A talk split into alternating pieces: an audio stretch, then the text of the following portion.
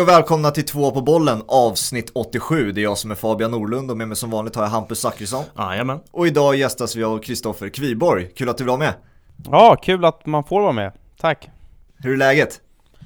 Eh, det är bra. Jag eh, är lite mellan jobb här. Jag hade en match igår och laddar upp inför för helgens eh, La Liga-fotboll och lite kommande uppdrag så att eh, man är väl mitt inne i, i, i serielunken som, eh, som eh, kommentator kan man väl säga. Ja, vi ska ju surra om eh, La Liga-lagen idag med dig som gäst och eh, vi har ju haft den första omgången av åttondelsfinalerna i Champions League avklarade. Eh, returen väntar och de spanska representanterna har haft det tufft minst sagt. Alla ligger under förutom Real Madrid men de hade, hade det också tufft mot Atalanta.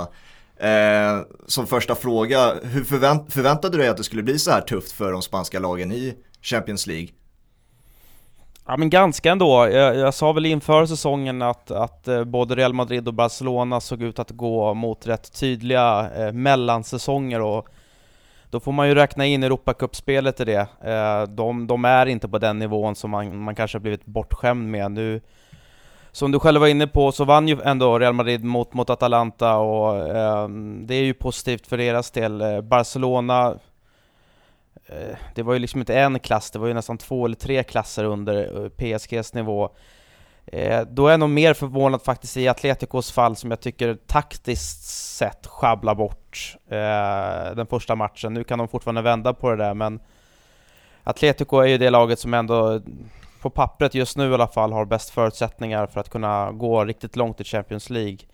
Men det är klart, det är, det är, inte den här normala säsongen där, där man liksom på något sätt kan räkna in Real Madrid och Barcelona i ett semifinalspel. Det är det inte.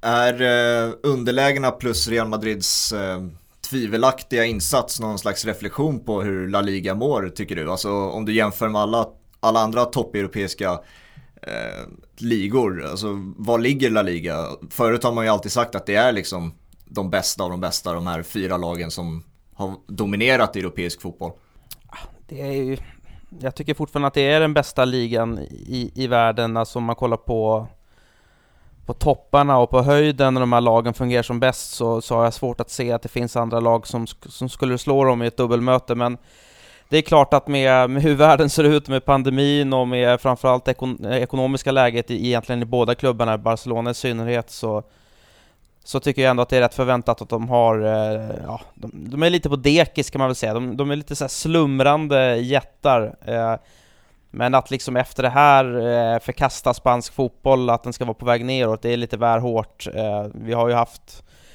enorma framgångar med, med ja, inte bara Atletico utan även Sevilla såklart som, som har gått eh, och vunnit många gånger i Europa League så att eh, i det stora hela så, så tycker jag ändå att den spanska ligan eh, håller sig stark, men det är klart att det är ju också, det går hand i hand med att Real Madrid och Barcelona mår bra, och just nu mår de inte jätte, jättebra. Någonstans på andra spektrat har vi också ett Granada som slog Napoli med 2-0 där. Jag tror många liksom som inte har följt ah, Granada eller Napoli på senare tid liksom, ah, Napoli ska ju slå eh, Granada. Så att eh, det visar ju också att det har, ja, men det har ju tajtat till sig och kommit fler bra lag och det är inte bara Barca och Real Madrid som någonstans, de leder ju spansk fotboll men det, det kommer fler lag underifrån även i den ligan. Ja, det, är det något som, som har varit positivt så är det just de här mittenklubbarna som du är inne på. Granada är väl ett väldigt bra exempel som jag tycker ser allt bättre ut. Visst, nu fick ju Real Sociedad en, en rejäl lektion här mot Manchester United, men eh, det ser man också på resultaten kanske i La Liga. Om man backar bandet bara några år så kunde ju Real Madrid och Barcelona tvåla dit eh, i alla fall bottengängen med 7-8-0. Eh, det, det är vi ju inte i, i närheten av nu, exempelvis. Men är det då att mittenlagen och bottenlagen i La Liga har blivit bättre eller topplagen blivit sämre eller något både och skulle du säga? Ja, en kombination skulle jag säga att, att Eh, mitten slash bottenlagen är nog inte, de är inte lika naiva längre när de möter de här storklubbarna. Man kunde se lag eh, eh, liksom spela med tre, fyra anfallare ibland mot Real Madrid och Barcelona och spela med hög press exempelvis och då, då blev det 6-7 bollar bakåt. Men eh, absolut en kombination. Eh, jag vill ju tro att det är att, att de här lite mindre klubbarna har utvecklats eh, rent alltså organisationsmässigt och även taktiskt Eh, men jag tror definitivt en, en del i det är att Barcelona och Real Madrid samtidigt har prickat in någon form av eh, jag ska inte kalla det för depression, men någon form av liksom eh, ja, nedåtgående spiral, en gemensam sådan. Mm. Innan vi går in på de här topplagen rent spe specifikt så undrar man ju då vad ni tror rent spontant så här, vilken av de här fyra går vidare då? Vänder något av lagen och går Real Madrid vidare? Ja, nej, men Real Madrid eh, tror jag ändå löser det där eh, till slut. Eh, jag ger ändå Atletico eh, 50% chans att eh, ta sig vidare. Märkligt ändå måste jag säga med tanke på hur bra de ändå har, eller framförallt hur, hur stabila de har sett ut att vara i ligaspelet. Eh, men har han en akilleshäl, eh, Diego Simeone, så är det faktiskt hans taktik, eller hans, hans val av taktik när det kommer till de här lite större matcherna. Han gjorde exakt samma misstag i eh, det första derbyt mot Real Madrid, där han gav bort kommando till att obegripligt nog till Real Madrid. Eh, och de var inte ens nära att ta poäng i den matchen, och han gjorde något liknande här, man har ju sett de här bilderna nu på eh, den berömda sexbackslinjen mot Chelsea. Eh, jag kan inte riktigt förstå varför han väljer att spela på det sättet. Det kan man ju naturligtvis göra i en retur där man har ett resultat att gå på, men här så måste ju hans lag kunna ta ett annat kommando. Så att Atletico eh, tror jag kan trockla sig vidare, skulle inte alls förvåna mig om det blir förlängning i, i den matchen. Eh, Barcelona är chanslösa, eh, det ska ju till något sensationellt naturligtvis. Eh, en tidig utvisning kanske på en målvakt, en straff och så vidare.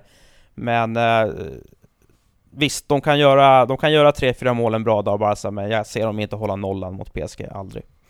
Nej, jag tycker ju Real Madrid såklart stora favoriter. Sen, alltså Diego Simeone och Atletico Madrid har ju ändrat lite ansikte den här säsongen. De var ju förut ett lag som vann med 1-0, 2-0. Eh, men de har ju blivit ganska offensiva och därför blev man extra chockad att Simeone valde valde den approachen till den här matchen. Det blev, han gjorde lite en liksom Pep Guardiola och övertänkte hela grejen med Champions League och det var borta mål på spel och därför tog han hem mannarna. Så att, uh, jag är chockad över det. Liksom, släpper han lös lös grabbarna igen och låter Suarez få spela offensiv fotboll istället för att bara riva och slita så kan det där absolut vända och jag tror, jag tror att de gör det, Atletico Madrid. Jag tror att eh, Simeone fixar en tankeställare eh, ordentligt här mot Chelsea, att de går ut och kör på Stamford Bridge eller var, vart den matchen nu kommer spelas. Ja, ja man vet aldrig var de spelar nu. Nej. jag är inte så jävla säker alltså. Jag är ju jag har varit inne på det tidigare i podden, jag är så jävla imponerad av Torshäll alltså. Jag tycker han är en fantastisk tränare. Jag, han, även om Simeone gör väldigt mycket felbeslut i sättet att eh, ta an den här matchen så gör eh, alltså Chelsea och Torshäll är väldigt mycket rätt också. Det är en stabil insats med, med bollen i princip i 90 minuter. Och Mendy har ju i princip ingenting att göra i Chelseas mål liksom. Så att det, Eh, jag vet inte, jag ser fram emot vad Torshäll kan göra med det här Chelsea. Men... Vi glömmer bort eh, Sevilla också. Men ja, jag vet inte, alltså Haaland såg så fruktansvärt hungrig ut i första mötet och sen nu vänder det hem eh, för Dortmund. Så att jag ska väl till en skada på Haaland då, kanske för att Sevilla ska vända. Annars tycker jag Sevilla är ett riktigt kompetent och bra fotbollslag i år och trodde att de skulle göra det bättre mot Dortmund. Men det var ju en otrolig insats av Erling Haaland.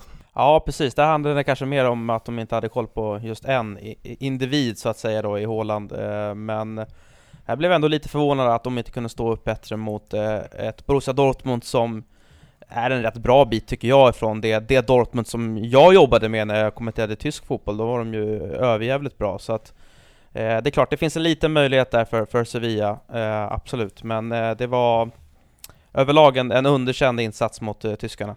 Sevilla tar ju sig an eh, Barcelona i helgen och jag tänker vi måste börja i Barcelona ändå för det är ju ändå de som har haft det tuffast den senaste tiden och du kommenterade ju också deras match i, eh, igår när vi spelade in där mot Elche, 3-0 vinsten och eh, innan dess var det ett kryss mot Cadiz och matchen innan det var ju såklart eh, den tuffa förlusten mot PSG.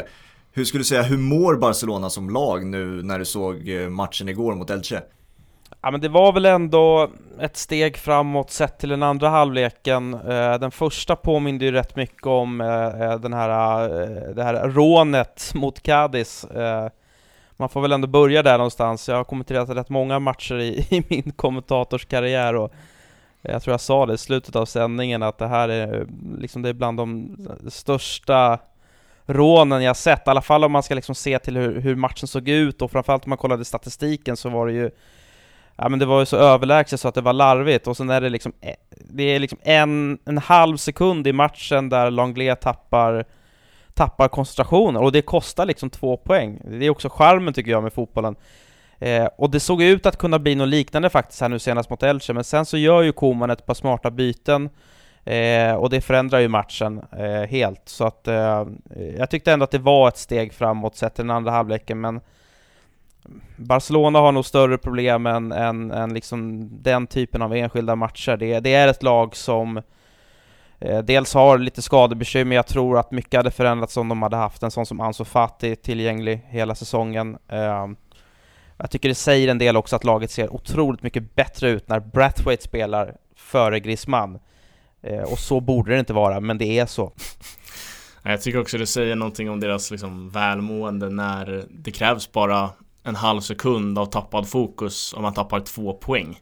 Det har ju inte varit Barcelona förut, de har ju kunnat tappa fokus i typ 10 minuter men har ju ändå liksom skruvat på det där igen och gjort 3-4 bollar framåt. Så att, eh, ja, även om Langley tappar fokus i en sekund där och drar på sig straffen så ska inte det kosta två poäng. De ska ju sätta några bollar innan dess. Ja, nej, men så är det. Och sen, sen i, det, i, det, i, det, liksom i det stora loppet så tycker jag att, att ett kanske det största problemet för Barcelona är att de är lite för lättlästa. Alla lag vet precis hur de spelar. Jag tycker att Barcelona under flera säsonger har saknat en tydlig plan B. Eh, deras plan B är ju möjligtvis att slänga upp Piqué på topp sista 10 minuterna, men det kommer ju inga inlägg till Piqué.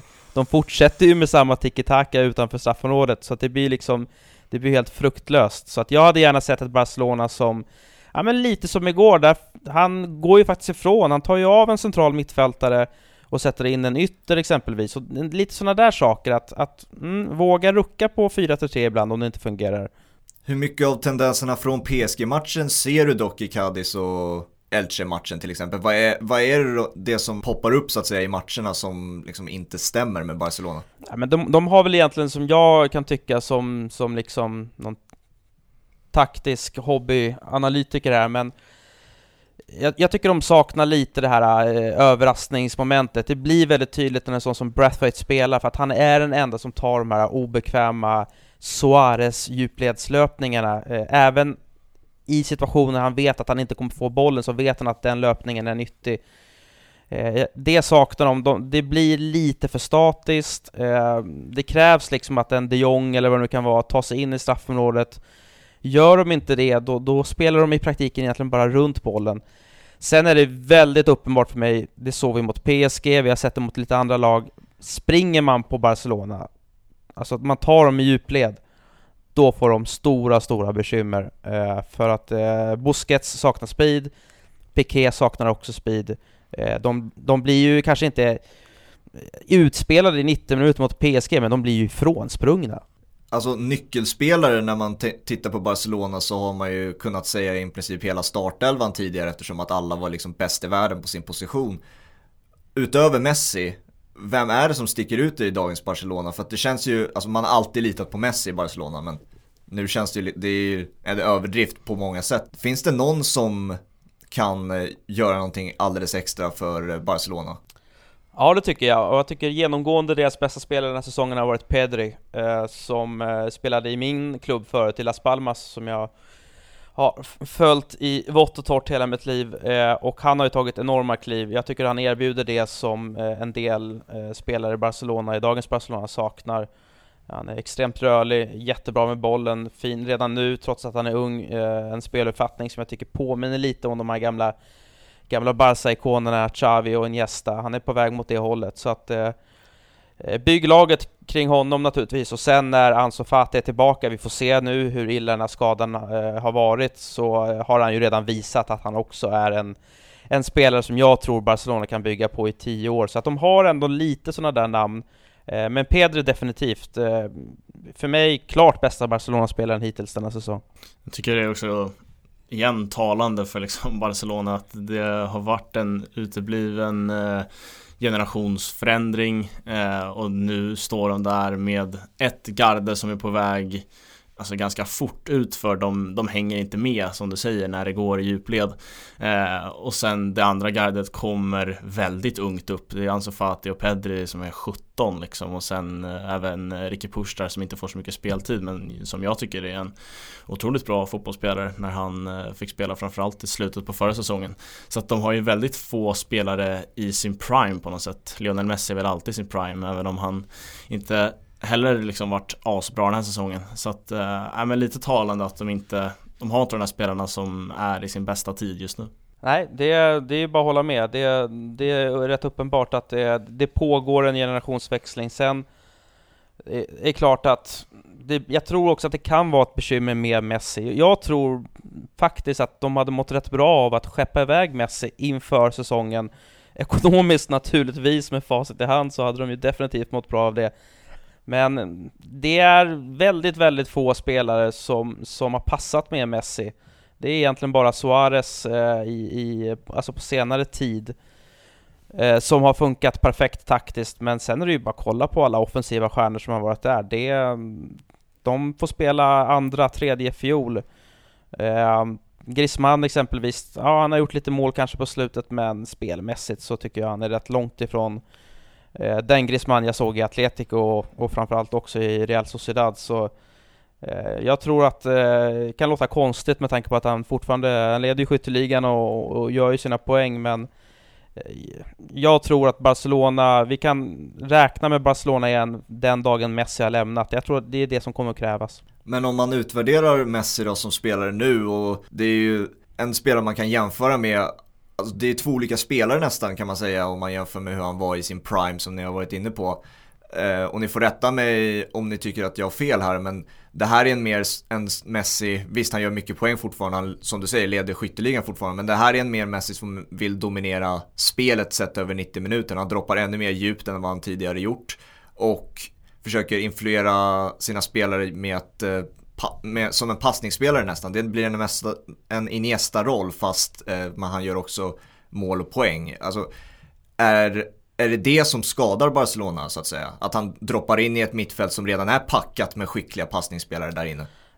Ja, för mig, för mig och det där såg jag ten mycket tendenser av eh, i gårdagens match mot Elche. För mig är det en rätt, det är en rätt kraftig signal på att det finns en frustration i att det inte fungerar om en om en spelare av Messis kaliber ska vara så pass långt ner för att liksom fördela enklare passningar som hans mittfältare eh, eller hans lagkamrater som är mittfältare eh, eh definitivt kan göra själva. Det, det, det är lite samma man ser eh, Zlatan ibland i Milan-fighter, får han inte rätt bollar första kvarten, men då är han ju också där nere och ska liksom ställa sig bredvid Kessie eller Chalanoglu Eh, för mig är det frustration, eh, och sen är det klart att, att med ålderns rätt så eh, man kan inte förvänta sig att Messi ska vara liksom lika överjävligt dominant som han var för 3-4 år sedan. Jag tror också att han är beroende av, eh, av kvalitet på lagkamrater naturligtvis. Eh, men det som kan bli ett problem är att alltså verkligen allt, och nästan bokstavligt allt, går via Messi. Eh, och det tror jag är anledningen till att sådana som eh, Coutinho, Griezmann med flera har haft bekymmer. De, de kommer inte in i, i, i matcherna. Sen så finns det spelartyper som underkastar sig det här och som passar väldigt bra in. Att de släppte Suarez eh, gratis till en, till en ligakonkurrent är ju bland det dummaste besluten de gjort. Tror du tror att centralfältare är en framtida position för Messi? Alltså typ som en Bernardo Silva, Kevin De Bruyne, Bruno Fernandes. Eller liksom kommer han alltid vara längst fram i banan? Ja, alltså jag tror eh, en... Eh, alltså nummer 10 position, absolut, men att ha honom som en, en av tre centrala mittfältare, det, det blir ju två i defensiven, så är det ju bara. Mm. Och då, det är fråga, har man verkligen råd med det? Ja, det kanske man har hemma mot Cadiz och Elche, men borta mot PSG och Real Madrid, nej, det har du inte råd med. Men jag tror definitivt i, i ett, i ett liksom 4-2-3-1 att sätta honom lite bakom en nia, det, det skulle nog passa honom väldigt bra. Det funkar ju framförallt inte om han ska till ett Manchester City där eh, Pep kräver en enorm press, eh, alltså från alla sina spelare egentligen. Nu kan man ju komma undan lite som en forward i pressspelet lite och bara ligga på rätt sida. Men alltså som in i mittfältare, Kevin De Bruyne, alltså visst han är fantastisk med boll, men han springer ju mest på plan också. Det kommer ju inte funka om Messi ska in där. Nej, nej, nej, det, det, känns helt otänkbart att han skulle eh, dels behöva underkasta sig det. Jag tror oavsett vart han hamnar, om det nu inte blir Barcelona, så eh, jag tror inte man som tränare ger en sån spelare den typen av uppgift heller. Det, var, det gick ju lite rykten om att Koman skulle göra det när han kom, att han liksom, det första han hade gjort eh, var att han hade sagt till Messi att nu, nu jävlar ska du börja springa liksom. och det, det blev ju inte jättepopulärt mottaget om man säger så. Eh, så jag, jag, tror det, det, finns, det finns liksom två, tre spelare av, av den här kalibern eh, just nu inom fotbollsvärlden och eh, de gör lite som de vill. Alltså Messi, visst, han är kanske inte lika bra som för 4-5 år sedan och det får man väl köpa. Eh, men alltså han är ju fortfarande helt avgörande. Och sen ser jag också när jag kommer till den matchen att han, han, han promenerar ju hem, men ja, i slutändan, han har gjort vadå, 18 mål i, i ligan i ett Barcelona som inte är jättebra just nu. Så att så länge han producerar den typen av poäng, ja, låt han promenera där uppe då. Jag, jag tror inte man kan ge den typen av instruktioner till den typen av spelare helt enkelt. Nej, och du var inne på Koman och hans instruktioner. Jag tänker, hur utvärderar man hans första tid som Barcelona-tränare? Han har ju haft en väldigt han har haft tuffa matcher. Eh, han, har haft, han har en dålig ligaplacering och det är PSG-matchen sticker ut framförallt. Men alltså, det finns ju tränare som får väldigt mycket kritik och har gjort ett dåligt jobb för att man ser liksom inte tendenser i matchen av vad tränaren faktiskt vill. Jag tycker ändå när man tittar på Barcelona att det finns stora delar i matcher man faktiskt ser att det finns kombinationsspel där. Liksom. Det finns fortfarande någon slags spelidé, även fast det kanske inte har funkat. I och för sig så kan ju det bero på att Barcelona är ett Eh, har ett lag med så ofantligt många bra, skickliga passningsspelare också. Jag vet inte, hur utvärderar du Koman? Jag skulle ändå ge en godkänt eh, hittills. Um, för mig blir det lite, det finns ett, ett gammalt talesätt som lyder att bara för att man sminkar en gris så är det inte en gris längre. Alltså det, är, det är fortfarande en gris, även om den är sminkad. Nu säger jag inte att Barcelona är en gris, men han tar över ett, ett lag som Alltså jag har svårt att se vilken tränare som hade gjort det här äh, bättre. Mm, ja, kanske något hack uppåt, men jag tycker att Atletico har, har ett bättre lag. Jag tycker att Real Madrid skadefritt har ett något bättre lag än Barcelona. Med det sagt så ska han väl bli trea då i La Liga.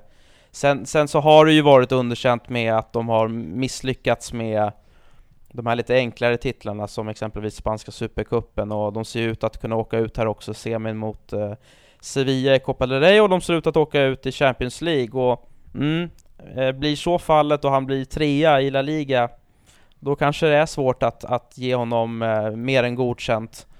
Men eh, för mig är det här, det är en övergångstränare. Det är uppenbart att Koman inte kommer träna Barcelona i två eller tre år till, utan det kommer hända mycket inom den föreningen som gör att Eh, Koman då med sin historik som Barcelona-spelare, vunnit eh, gamla Europacupen med Barca. Med sin historik som att vara eh, holländare och hela cruyff som har genomsyrat Barcelona sedan 70-talet så, så, finns det en logik i att låta Koman vara den här personen som eh, får ta mitten mellan säsongen. Och då blir ju frågan när det här ägarbytet blir av, då, då är det Koman ut direkt då tror du eller? Och då kör vi in? Nej, inte direkt, men, men eh, jag tror att, eh, nu får vi se lite vem som vinner här. Det, det, det ser väl ut som att den, den gamle filuren Laporta blir eh, president igen, och det tror jag är välkommet hos många Barcelona-supportrar. Men det är ett helt annat Barcelona som han får styra kontra mot förra gången. Alltså den ekonomin de har, det, det den är så kass så att man får skicka uträkningen till NASA typ. Eh, jag har svårt att se hur de ska få ihop det här Barcelona. Eh, sen ska gudarna veta att det är många andra klubbar som också har stora ekonomiska bekymmer, men att sköta en klubb på det sättet som de har gjort nu, det är under all kritik. De eh, riskerar ju faktiskt egentligen konkursen. Naturligtvis klubbar som Barcelona och Real Madrid kommer ju aldrig tillåtas att gå i konkurs, men så uselt som det har skötts eh, och de lönerna som betalas ut till, eh, ja, med facit i hand, rätt kassaspelare. Och då tänker jag kanske på sådana som Umtiti som är bland de högst betalda, som knappt kan spela. Eh, Griezmann som tjänar liksom ofantliga summor med pengar eh, och som inte heller poängmässigt och spelmässigt levererar efter vad de faktiskt betalar för. Men eh, för att svara på frågan så, ja, eh, Xavi, eh, det är väl rätt glasklart att det blir Xavi. Eh, jag tror dock att han eh, avvaktar lite då. dels naturligtvis på vem som blir president, eh, men sen tror jag faktiskt att Xavi vill nog ta över Barcelona när Messi har försvunnit. Jag tror inte att han vill ha den starten, att bygga ett nytt Barcelona och liksom hela tiden komma undan med att han har Messi, utan jag tror att han vill göra det på sitt sätt. Och det Barcelona med det ekonomiska läget kommer att behöva göra är ju att ta upp spelare från eh, La Masia, från, från ungdomsakademin och där är ju, kan jag inte tänka mig någon som skulle vara bättre på att göra det än Xavi. Så att jag tror att han, han, han tar inte Barcelona bara för att, utan han kommer vänta rätt läge. En eh, klubb och en tränare som är definitivt mer välmående än Barcelona är ju Sevilla som eh, tar sig an Barca här dubbelt, dubbelt upp med både returen i Copa del Rey och eh, matchen i La Liga var Jag är imponerad stort av Sevilla eh, Framförallt liksom revanschen av eh, Julian Lopetegui eh, Ja, vad, vad är dina känslor kring Sevilla och deras säsong? Jag tror jag sa det in, inför säsongen att det var lite, det var lite läge för Sevilla och Atletico eh, att faktiskt kunna eh, vinna ligan eh, den här säsongen. Sevilla ska vi absolut inte räkna bort. Eh, trodde att de skulle få lite större bekymmer utan Banega som jag tyckte har varit helt överjävligt bra på det där mittfältet i, i många säsonger i Sevilla. Eh, och kände väl också att de har kanske inte toppkvalitet eh, i anfallsbesättningen de Jong tycker jag fortfarande inte håller, men Nesseri har ju varit en positiv överraskning. Jag har ju faktiskt smält in två hattricks här i La Liga. Eh, men jag tycker ändå på sikt så, så, behöver vi få tillbaka det här Sevilla som nästan alltid haft en ruggigt vass nia. Jag tycker ändå att det är nog där akilleshälen möjligtvis är, och sen såg vi ju mot Dortmund att mm, det finns fortfarande lite taktiska eh, bekymmer, men sett ur ett Sevilla-perspektiv så har de ju hittills gjort en jättefin säsong och kan de gå till en Copa del Rey-final och kanske bli rent av trea eller tvåa i La Liga så får man ju anses det eh, som en enorm framgång naturligtvis. Vad är det som sticker ut då i Sevilla? Vad är, vad är det som funkar så bra så att säga? Ja, men, eh, dels så eh, tycker jag försvaret har sett väldigt bra ut. Eh, jag tycker de har kanske La Ligas bästa mittback i Jules Condé som är helt fantastisk. Ehm, de har ju fått tillbaka Monchi också, sportchefen som är så, så populär och hyllad och det är han ju med all rätt. Ehm, de har de har egentligen spelartyper som passar rätt bra in i den fotbollen Lopetegui vill spela. En sån som Fernando på mittfältet tycker jag är underbar att beskåda. Det är en sån här gammal klassisk städgumma-profil som Sevilla nästan alltid har använt sig av och sen så är det ju ett lag som har ett eh, väldigt utpräglat kantspel, vilket inte alla lag har. Eh, och det tycker jag är kul att se. Så att eh, det är ett bra lag Sevilla, men mm, sista pusselbit som saknas tycker jag ändå för att kunna liksom bli lite som Atletico har varit de senaste åren, att på allvar vara med. Sevilla har man alltid nämnt lite grann och sen så kommer de in i någon trend och ofta har de ju haft stora bekymmer med att vinna eh, flera eh, bortamatcher i följd exempelvis. Men eh, bra försvar, eh, bra kantspel, eh, taktiskt sett väldigt, väldigt bra. Eh, men kan de få in en, en riktigt vass nia till nästa säsong så, så tror jag absolut att de kan vara att räkna med, för att jag tror att det kommer ta två, tre säsonger innan Real Madrid och Barcelona är tillbaka på den här gamla världsklassnivån igen. Jules Condé känns ju också väldigt unik, alltså man har ju sett spelare sväva ur position i lag som är totalt överlägsna, många snackar om Cancelo och mittbackarna i City, alltså så här, ja absolut, det känns rimligt på något sätt att de kan gå högre upp för att de är så överlägsna i många matcher. Men Även om Sevilla har mycket boll och så är det inte överlägset lag men ändå så svävar Jules Condé både som högerback, central mittfältare och forward ibland. Eh, det var ju bisarrt eh, i första Copa del Rey-matchen mot Barcelona, det målet han gör där. Så att eh, jag imponeras stort av den spelaren och alltså att han kan göra det i Sevilla, sväva runt som han gör, är ju jävligt imponerande. Vi var inne på, du var inne där på städtant, städgumma eller vad du sa, på innermittfältet där eh, med Fernando och jag kommer att tänka på Socora i Sevilla. Kommer du ihåg honom? Rikt, riktig kämpe från Elfenbenskusten va? Ja, precis. Eh, de, de, de har varit jävligt bra på att få fram den typen av, av spelartyper. Eh, de har haft fler egentligen, Sevilla, men jag tycker ändå Fernando har nog varit en av de bättre. Men det beror också lite på hur, hur lagen spelar. Det är inte alla lag som som behöver det. Det tydligaste exemplet på, på ett lag som sjabblade bort en sån spelare var ju när Real Madrid släppte Makelele. Eh, och, liksom, och det blev ju startskottet på en rätt lång period utan framgång, framförallt ute i Europa. Eh, så att det beror helt på hur lagen spelar. Eh, Barcelona möjligtvis skulle kunna vara ett sånt lag som skulle kunna må bra av en sån spelartyp eh, med tanke på att de spelar med rätt hög risk och ibland tappar bollen i, i känsliga lägen. Eh, så att, eh, nej, jag vill ha mer sådana eh, spelartyper. Man behöver liksom inte vara alla behöver inte vara, eh, liksom, kunna kicka till hundra och sätta frisparkar i krysset, utan jag saknar lite det där att ha spelare som kanske har spetsegenskaper som är defensiva i form av att vara extremt placeringssäkra eller vara överjävligt bra i, i, i, i motläggsspel liksom. Eh, och, och, det är Fernando, och det är därför jag gillar honom.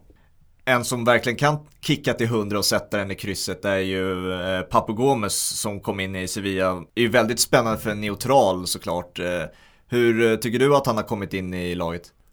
Helt okej. Okay. Det är klart att det kommer ta tid för honom. Atalanta spelade ju en helt annan fotboll än vad, vad Sevilla gör. Jag var väl kanske lite skeptisk till vart han liksom rent taktiskt skulle passa in. Eh, men det är ju helt klart en spelare som är så pass smart att han löser det. Sen har han ju fått en liten extra chans här då med tanke på att eh, Ocampos gick sönder. Eh, och det har ju öppnat upp en plats för, för Papo Gomes, men eh, på förhand så det är klart att det kittlar ju med, med det, just det namnet i Sevilla. Jag har ju följt honom mycket i Atalanta, jag tycker han har varit ja, sensationellt bra. Alltså en av Serie A's bästa spelare nu i flera säsonger, så att det är klart, kan de få igång honom så, så är det ju en, en attraktion, en tillgång för Sevilla. Eh, möjligtvis att, de, att eh, Lopetegi behöver att eh, vrida lite på det taktiska för att få in honom eh, i, i, en, ja men kanske lite mer tydligare eh, nummer 10-roll så att han inte liksom blir isolerad ute på en kant, utan man vill ju ha in en sån spelare mer centralt. Nästan en fri roll faktiskt på Papu Gomes. Mm. Är det värt att säga att den här matchen då som kommer i helgen mellan Barcelona och Sevilla, blir den någon slags avgörande med tanke på om de kommer slåss om någon titel eller inte? Ja, nej men det är ju, alltså, det som gör matchen än mer intressant är ju att, att båda lagen måste ju vinna för att liksom ha någon möjlighet. Uh, nu tror jag väl inte att Sevilla på sikt kommer att vara med kanske om, om eh, första platsen men uh, det kan definitivt bli en kamp, tror jag, mellan Barcelona och Sevilla om tredjeplatsen åtminstone. Eh, men eh, mm, vi får väl se lite grann. Jag tror att eh, det ändå kan vara ett rätt bra läge för Sevilla här att, att ge Barcelona en knäpp på näsan igen faktiskt.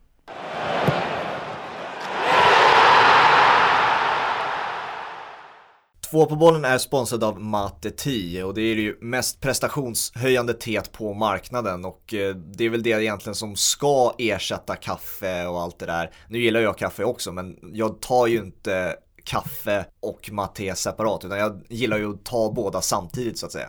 Jävla energiboost ja, man får då jävlar alltså. Jävlar vad du måste köra. Det är otroligt. Eh, och prestationshöjande låter ju nästan eh, som dopning men eh, det, det här är ingen dopning så Nej, det exakt.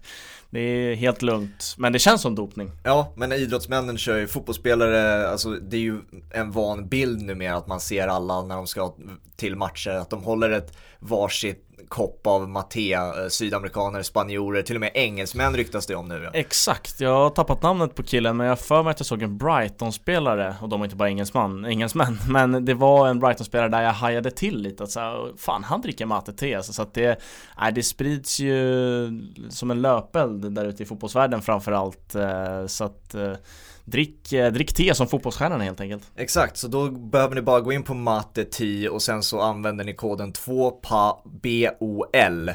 Alla bokstäver i eh, versaler så får ni 10% rabatt på alla produkter som går att köpa där. Så har ni då eran eh, perfekta presentationshöjande te ni också. Grymt generöst av Mate 10. Tack! Tack! Två på bollen är i samarbete med Smasha och om det är dags att köpa paddelträningskläder eller träningskläder rent generellt då är det bara att svänga in på smasha.se och hitta dig ett träningsplagg som passar perfekt och är superbekväma och är skitsnygga. Vi har också en rabatt på hela 25% på alla produkter om du använder koden 2PABOLLEN så helt enkelt en no-brainer så du bara gå in på smasha.se och välj ut ett plagg som passar dig bäst. Tack Smasha!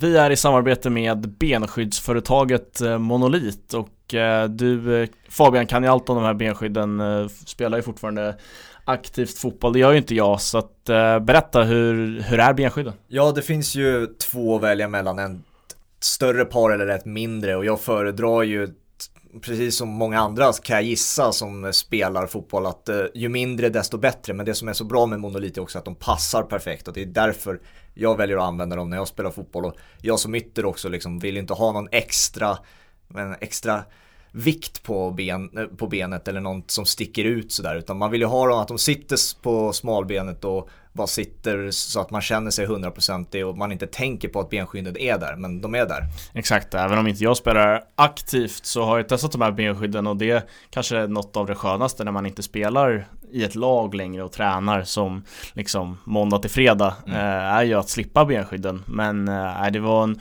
otroligt lätt känsla att ta på sig de här benskydden och det, det liknar mer att inte ha benskydden än att faktiskt ha benskydd på sig och så skyddar de ju lika bra som vanliga benskydd. Så att, eh, nej, fantastiska. Precis. Precis, så gå in på Monolit och hitta benskydden för dig också.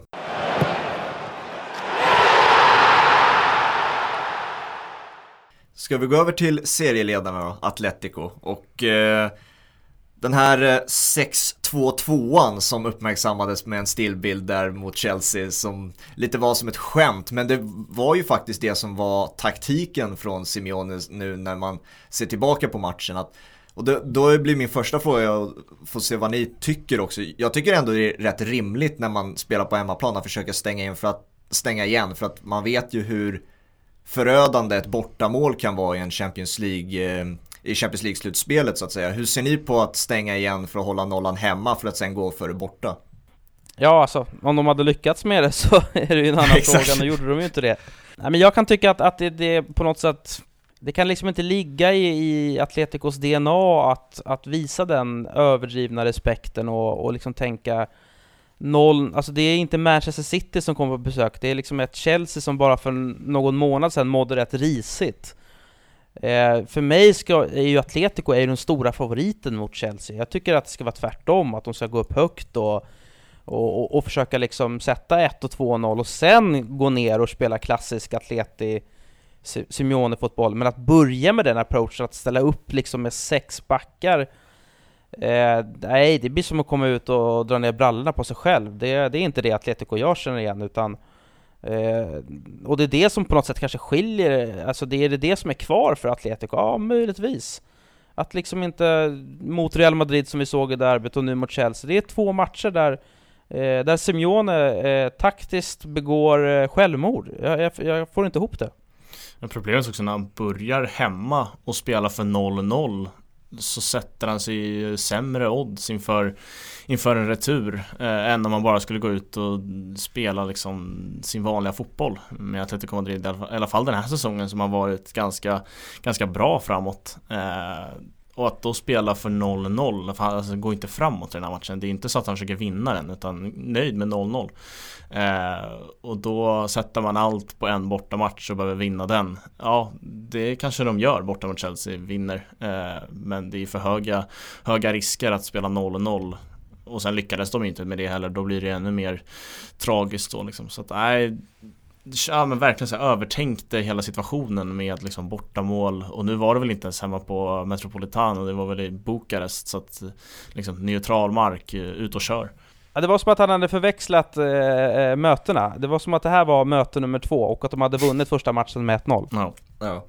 Det var ju ditt Liverpool som eh, åkte ut mot eh, Atletico förra säsongen, Hampus. Vad där var det, vad var det, en 2-0 vinst hemma va, på Metropolitano först va? Och sen så... Jag tror det var 1-0 och sen Wijnaldum nickade in 1-0 i returen och så hade vi förlängning. Men då... Äh, Där då... blev det ju alltså bortamål för Atletico dock. Alltså där var det ju lite, ett lite mer öppet Atletico som vi fick se för att de gick före, de behövde gå före.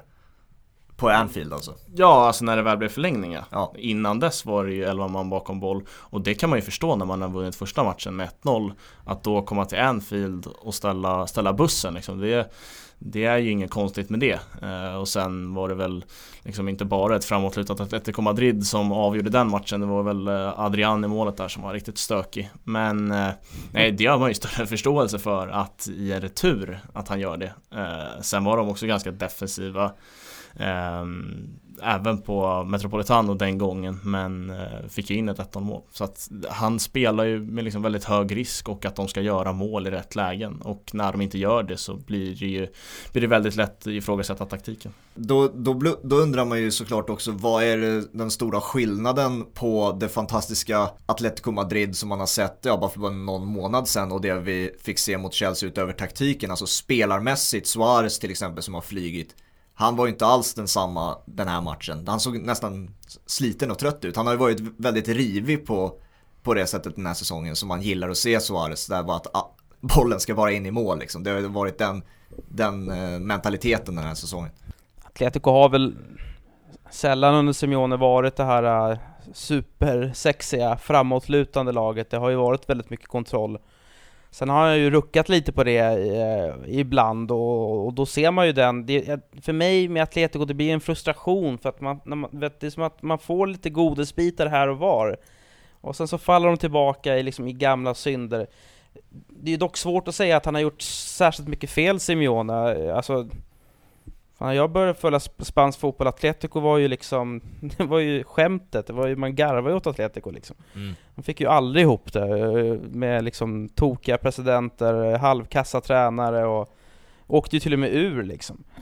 Eh, så att, menar, det jobbet han har gjort, det är ju sensationellt bra. Han har ju fört in Atletico i samma till samma hyllplan som Real Madrid och Barcelona. Eh, men det är klart att man skulle kunna eh, önska att de blev lite mer, eh, alltså inte så taktiskt drillade som de är, vilket ibland då skadar dem, som det, som det gör då i de här riktigt tuffa matcherna mot Real och mot, mot Barca och mot Chelsea här nu. Eh, men i det stora hela så, så får man, det går ju liksom inte ge Simeone annat än 5 plus. Oavsett hur den här säsongen slutar. Nej. Och man tippade, jag tror alla tippade som eh, följer La Liga lite grann eller som du väldigt intensivt att Atletico tar hem titeln. Men nu efter eh, poängtapp två gånger om mot eh, Levante, har det ändrats någonting nu när man har öppnat dörren för Real Madrid? Ja, jo, det, det, nu, nu, tror jag personligen, jag tippade också Atletico att vinna inför säsongen. Jag, jag står fast för det. Jag, jag tycker att krasst Real Madrid och Barcelona är för dåliga och jag har svårt att se att det ska bli som eh, förra säsongen där Real Madrid eh, vann 10-11 eh, raka matcher på slutet. Det är klart, Atletico Alltså klappar de inte ihop nu mot, De har ju Barcelona och Real Madrid kvar. Och rent matematiskt så kan vi säga då att Atletico ska ju förlora de här två matcherna. Det skulle ju öppna upp det rejält. men sen tror jag att Real Madrid och Barcelona, de har lite tra trampa i klaveret insatser kvar mot de här lite mindre lagen. Jag tror inte att de löser en hundraprocentig poängserie, vilket jag tror kommer krävas nog för att rå på Atletico. Det som kan fälla Atletico är ju naturligtvis Atletico själva som inte allt för ofta hamnar i en situation där de faktiskt blir jagade, och de har blivit jagade rätt länge nu. Eh, och det finns oavsett vad de säger själva, supporterna, så finns det nog kvar lite det här att Atletico har varit lite lucky loser, att det, det är lite liksom upplagt för att de ska schabbla bort det här. Eh, och tror de på det för mycket, ja då kanske de gör det, men eh, jag tror att de har råd här nu med att, eh, att tappa lite ytterligare poäng, eh, och enbart för att jag, jag tror inte Real Madrid eller Barcelona tar tillräckligt med, med segrar och poäng för att ta sig kapp. Men visst, Vinner Barca och Real Madrid sina respektive matcher mot Atletico, då är det eh, definitivt match igen. Det man dock ska säga att det är jävligt dumt och onödigt av Atletico Madrid. De hade stängt den där dörren och skulle egentligen liksom vrida om låset och låsa in den där titeln men med de senaste matcherna så liksom öppnar de lite dörren på glänt. Och Real Madrid och Barcelona är ju kanske inte i år, idag, de lagen som sparkar in den dörren när den står på glänt. Eh, men det kan ju bli så. Alltså det, det känns bara så jävla dumt och onödigt av dem att ens eh, ge chansen till just de två klubbarna som har den vinnarmentaliteten och kulturen eh, runt sig. Så att, eh, jag, jag tycker det är förbannat härligt att det, jag hoppas ju på att det blir ett race om titeln eh, i La Liga. Eh, som det ändå har varit lite på senare år. Eh, och det är väl egentligen, alltså så här, Premier League har väl någonstans tagit La Ligas roll där det antingen är ett lag som springer iväg eller möjligen två eh, som det var förr i tiden. Så att eh, är eh, jävligt kul om det eh, bjuds in till ett öppet race. Ska vi ta Real Madrid då också? Eh, eller som man kanske efter Atalanta-matchen måste kalla Real sidled Madrid. Eh, det var bland de tråkigaste matcherna jag har sett med boll från ett lag alltså. Och visst, det har ju väldigt mycket med skadeläget att göra och så, men alltså förbannat irriterande att se ett lag som har så mycket skickliga fotbollsspelare bara, alltså, inte gå för det. Det fanns ingen spets överhuvudtaget. Nej, de spelar ju med en eh, lönfet Isko som nia. då, då, får man ju, då får man ju det man får som man brukar säga. Eh, jag vet inte om jag köper det där till 100%. Ja, där, här har vi ju ett tydligt fall där, eh, där Real Madrid på bortaplan ändå eh, är rätt nöjda med 0-0. Sen tror jag att du och lite andra människor, man skruvar kanske upp förväntningarna lite när, när Real Madrid ska spela med en man mer i 70 minuter. Men för mig, eh, att, att de liksom städar av det där och att det inte är så jävla roligt och sen blir det 1-0 på slutet. Ja, det är ett drömresultat för Zidane med tanke på den, alltså kolla den truppen han åker dit med. Eh, man började inte darra av skräck när man läste anfallsbesättningen direkt. Nej. Eh, alltså det är, det är sinnessjukt vad mycket skador de har haft den säsongen så att eh, och menar, Atalanta var ju till och med oddsfavoriter eh, inför den här matchen eh, mot Real Madrid. Eh, så, och det tycker jag säger en del, så att nej, jag, jag väljer nog förbise att det inte såg sådär sensationellt roligt ut, för det har det nämligen inte gjort hela säsongen i stort sett. Eh, Real Madrid eh, har inte haft tillgång till, till, till de, de spelarna som behövs för att det ska vara det här gamla Real Madrid, utan eh, de flesta matcherna har ju avgjorts av liksom Casemiro på nick typ. Mm.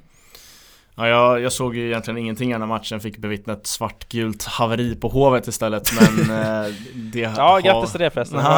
jag var glad, glad att jag slapp. det förstår jag.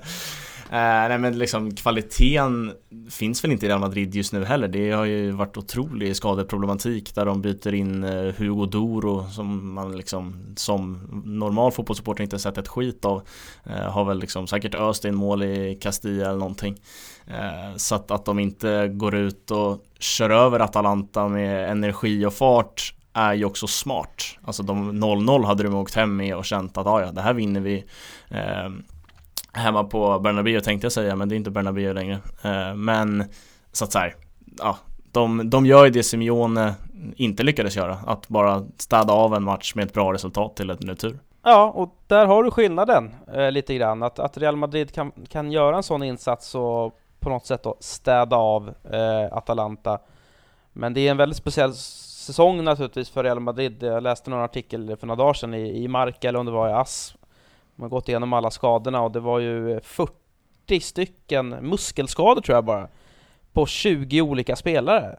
Mm. Eh, men just nu är 10 A-lagsspelare borta. Det är, det är inte bara oflyt, utan det är ju någonting som är genuint fel där på Valdebebas på träningsanläggningen. Det där påminner mig lite om hur det såg ut sista åren under Arsene Wenger i Arsenal som också satte någon form av brittiskt rekord i, i, i skador. Det, de, de är feltränade. Jag kan, inte, jag kan inte se någon annan förklaring till att en sån som Eden Hazard som spelar nästan varje minut i Chelsea ser ut att vara gjord av gips helt plötsligt för att han mm. spelar i Real Madrid. Det är någonting vi har sett några, Liverpool är ett annat lag eh, Hampus, du vet ju allting om hur det är att ha skador i ditt lag liksom. Att det är ju kanske någonting som inte har anpassats. För jag vet att Kevin De Bruyne sa i samband när man kom tillbaka från coronabreaket som var i hur länge det nu var, två, tre månader. Att han sa att om vi inte ändrar sättet vi tränar i klubben då kommer vi få ofantligt många skador och det kommer påverka säsongen och så vidare. Så vi måste träna smartare och det är kanske det som, nu vet jag inte, nu gissar jag bara, men det är kanske det klubbar har haft svårt att anpassa, säg Liverpool, Real Madrid och det är därför de får så många skador. Ja, ja, och det är inte bara det som blir en effekt. Det var, jag tror det var samma, samma dag och samma tidning jag läste en intervju med Zidane och han sa på hela säsongen har han haft en träning med A-laget där alla spelare har varit tillgängliga. Oh. En träning! det är sinnessjukt. Det är ja, helt det är otroligt, men det är sant. Men ja, det känns ju som mer, vi ska inte prata Liverpool för vi pratar så jävla mycket Liverpool och skador eh, i den här podden ändå. men det känns väl som mer som att Real Madrid har ett tydligt liksom, muskel problematik, alltså muskel, muskelskadeproblematik ja. där Liverpool har varit liksom mer utsatta för ja, helt sjuka situationer där Pickford går ut och mördar van Dijks knä till exempel. det har varit, jag vet inte, det är svårt att, svårt att härleda de skadorna till liksom bara muskel och felträning. Sen alltså måste ju frågorna väckas till vad som vad liksom fysios gör i sådana klubbar som har sån skadeproblematik. Eh, sen tror jag också att det är svårt för klubbarna och tränare att eh, i sin träning faktiskt anpassa sig efter ett schema som har varit tuffare än någonsin i två år nu där det har varit liksom matcher som har fått tryckas in. Så att eh, man lever kvar i det gamla och kör på eh, kör på som vanligt men det går, det går inte riktigt att göra det eh, med det här tajta schemat. Nej, nej men det, det är uppenbart eh, och det är klart att man ska ta med det i beaktningen att, att det, det, på, det har pågått och det pågår en pandemi och de spelar sensationellt mycket så att det, det, är klart att det bidrar, men, men nej, det är någonting där som inte stämmer i, i just Real Madrids fall. Och skadorna bidrar ju till att, visst, Real Madrid har mycket skador, men de har ju en så pass bred trupp i alla fall att de får in eh, spelare som i alla fall tidigare har varit kvalitativa spelare, som Isco till exempel, Vinicius får sina chanser. Eh, vi har spelare som Lucas Vasquez som spelar regelbundet numera och så vidare. Mariano på topp till exempel. Spelare som tidigare har presterat, eh, men det, nu när de aldrig tar chansen på samma sätt som en eh, Ramos och Benzema som alltid levererar för Real Madrid. Hur, hur tycker du att eh, de här spelarna mäter sig? Alltså är de Real Madrid-kvalitet, de här spelarna jag tar upp? Jag, jag, jag, brukar tänka på min, eh, min eh, kollega och vän Marcelo Fernandes som, som är expertkommentator med mig ibland och han, han sa en jävligt bra sak för några veckor sedan att det, det är någonting som inte står rätt till när Lucas Vasquez är nyckelspelare i Real Madrid. Mm. Och jag tyckte det var, ja men det är väldigt talande för att han ska inte vara eh, nyckelspelare, han ska inte se ut att vara topp tre i Real Madrid, utan han ska ju vara supersub. Mm. Han ska ju vara liksom Cajon typ. Eh, och det säger ju en del att, att, att det faktiskt har sett ut så. Eh, och jag tycker definitivt att han ska vara kvar, för att han är en sån spelare som, som man kan spela på tre, fyra positioner och han, han gör ungefär ett lika gott arbete, Nacho en annan som, som kanske liksom inte håller Real Madrid-klass, men som ändå inte gör bort sig, kan spela i i, hela den där backlinjen exempelvis. Eh, men sen har de ju lite skåpmat då, eh, en sån som Mariano, nej, är ju inte ens i närheten naturligtvis av och, eh, och vara ordinarie i Real Madrid, tycker jag i alla fall. Eh, Isco borde de ju ha slängt ut med, med, med soporna för länge sedan liksom. Så att, men, eh, de, de har en del att göra där, helt klart. Och det är väl också skador som gör att, ja men sån som Vinicius, är han redo verkligen på den här stora, den här stora scenen redan nu? Mm. Jag tycker det är tveksamt, eh, rent taktiskt om han, om han är där. Eh, han har ju fått spela nu på grund av skadorna så att eh, eh Real Madrid, eh, det kommer nog hända en del till, till sommaren, det, det, det skulle jag nog säga. Och man tar ju sig an, inte i helgen utan på måndag möter man eh, Real Sociedad, Isaks Real Sociedad. Som jag tänker vi måste avsluta på med lite svensk fokus för att jävlar vad han flyger eh, Alexander. Alltså om det fortsätter så här så nu skrivs det ju att Barcelona är intresserade. Det kan ju inte bli att han stannar i Real Sociedad om han fortsätter flyga så här. Vad ska, då, vad ska, vad ska de betala övergången med? Bollnät och... Nej, inte Barcelona rent specifikt kanske plockar hem honom, men något annat lag tänker jag då.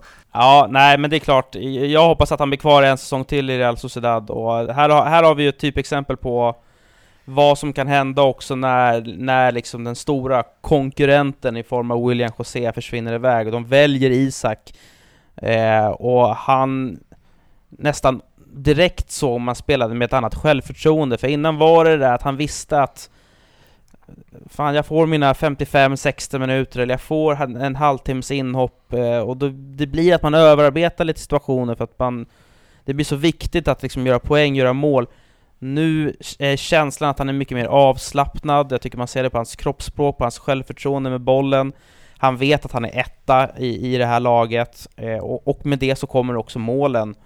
Eh, sen har han ju fantastiskt eh, stöd också av, av formstarka spelare eh, och ett, ett mittfält som är liksom ett av La Ligas mest spelskickliga. Och, och taktiskt sett så tycker jag han passar också väldigt bra in, inte bara i Real Sociedad men också i, i, i den spanska ligan och det är därför jag vill att han ska vara kvar eh, i den spanska ligan. Jag tror eh, en, en flytt till Premier League skulle vara ett stort, stort misstag.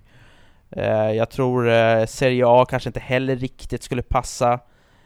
Jag tror inte Barcelona skulle passa bättre än Real Madrid exempelvis. Jag skulle nog säga att Real Madrid hade varit det, det kloka valet taktiskt.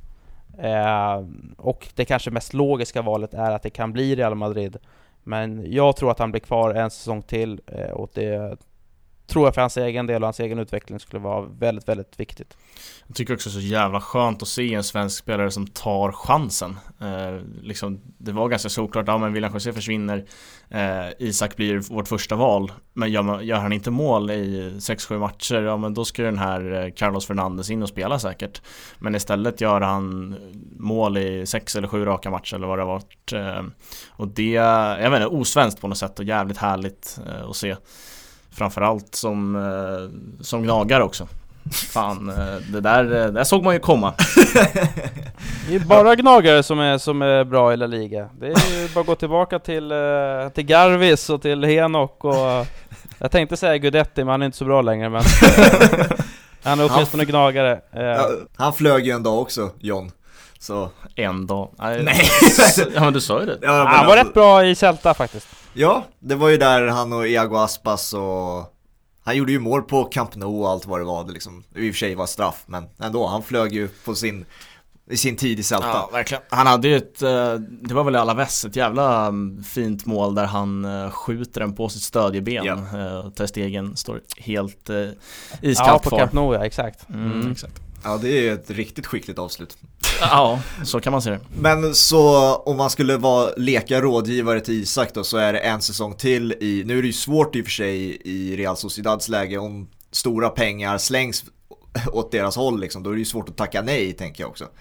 Ja, nej men så är det ju naturligtvis. Eh, men ja, nej, hade jag varit hans agent så, så hade jag väl eh, propsat på det, att vara kvar Eh, en säsong till, eh, det är klart det underlättar om Real Sociedad skulle spurta lite på slutet och kanske ta sig till Champions League, då, då blir ju det beslutet enklare naturligtvis. Sen är ju eh, Real Sociedad en klubb som ändå till syvende och sist får klassas som en säljande klubb, alltså de, de kan nog inte tacka nej om det kommer in de här 75, 80, 85 miljoner eurona för, för Alexander Isak, då, då, då tror jag att det blir svårt men för hans egens, eh, egen del och hans egen utvecklingsdel så tycker jag definitivt att han ska vara kvar.